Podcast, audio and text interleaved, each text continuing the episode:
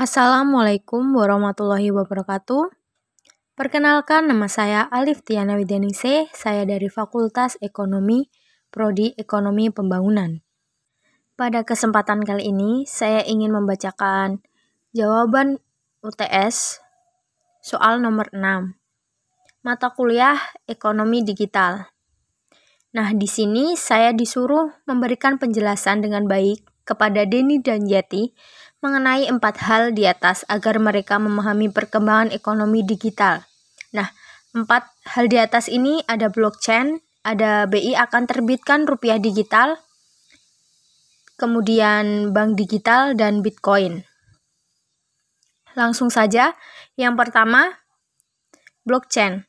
Blockchain adalah sistem penyimpanan data digital berisikan catatan yang terhubung melalui kriptografi. Teknologi blockchain kini telah dimanfaatkan oleh berbagai sektor, salah satunya untuk transaksi mata uang kripto seperti Bitcoin. Sistem blockchain dapat dikatakan menyerupai catatan transaksi digital yang terdiri dari banyak server. Berkat teknologi ini, transaksi menjadi jauh lebih mudah karena tidak lagi memerlukan keberadaan perantara. Ada dua komponen yang menyusun blockchain, yaitu blok atau kelompok, dan rantai atau chain. Nah, segala informasi yang terdapat dalam komputer dibagi menjadi beberapa blok dan saling terhubung oleh rantai. Jadi, blockchain adalah serangkaian blok berisikan informasi digital. Nah, setiap blok ini memiliki komponen yang disebut hash. Hash itu adalah suatu set karakter yang menyusun berbagai informasi pada blok. Kemudian yang kedua, Bank Indonesia berencana akan meluncurkan rupiah jenis baru dalam bentuk mata uang digital alias Central Bank Digital Currency atau CBCD. Nah, untuk bersaing menghadapi cryptocurrency seperti Bitcoin dan Ethereum yang sedang populer di Indonesia pada saat ini. Central Bank Digital Currency adalah uang digital yang diterbitkan dan peredarannya dikontrol oleh bank sentral. Dalam hal ini adalah Bank Indonesia. Uang rupiah digital ini digunakan sebagai alat pembayaran yang sah untuk menggantikan uang kartal. Konsep ini sedikit berbeda dengan cryptocurrency seperti Bitcoin, di mana uang internet ini dihasilkan dari proses penambangan file komputer. Bitcoin bersifat desentralisasi, tidak butuh bank sentral dan bank dalam transaksi karena transaksinya berlangsung secara peer-to-peer dari pengirim ke penerima. Nah, ada beberapa model desain CBDC dalam pembuatan uang rupiah digital. Pertama, CBDC akan mempercepat proses menontunaikan uang dengan lebih mudah. Privasi memiliki akses universal dan pembayaran luar negeri. Dengan demikian, pencetakan uang rupiah digital ini perlu kehati-hatian, mengingat Indonesia terdiri dari ratusan ribu kepulauan dan tidak semuanya memiliki akses pada teknologi dan internet. Yang ketiga ada bank digital. Bank digital adalah bank itu sendiri yang hadir secara online untuk memberikan pelayanan seperti bank tradisional.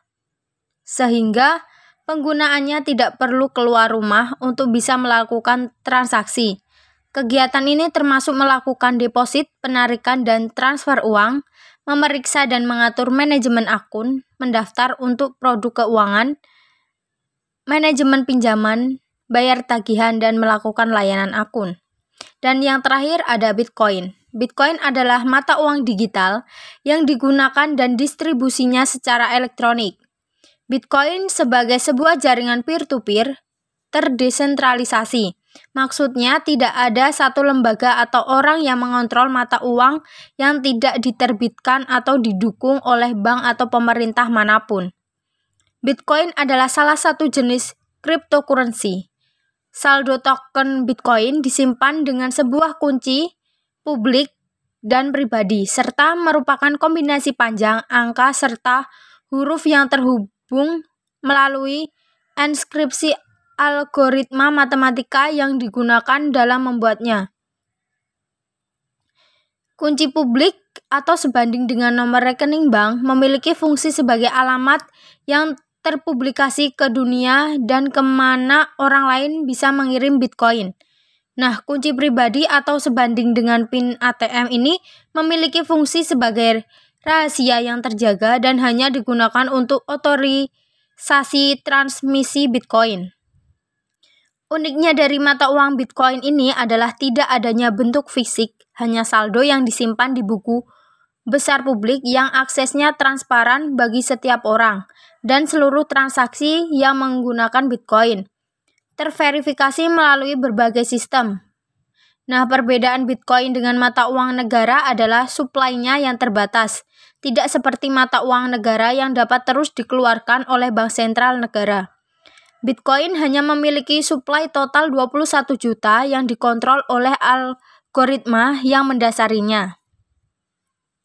Kemudian, transaksi Bitcoin dan aset kripto lainnya juga tidak dapat dibatalkan, yang tentunya berbeda dengan mata uang negara.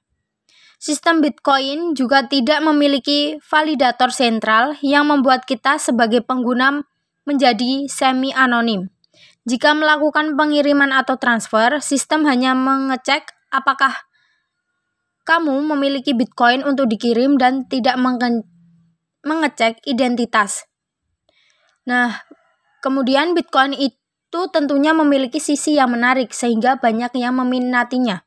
Ada beberapa janji yang dikemukakan oleh Bitcoin. Salah satunya adalah janji biaya transaksi Bitcoin yang lebih rendah jika dibandingkan dengan mekanisme pembayaran online tradisional dan dioperasikan oleh otoritas terdesentralisasi.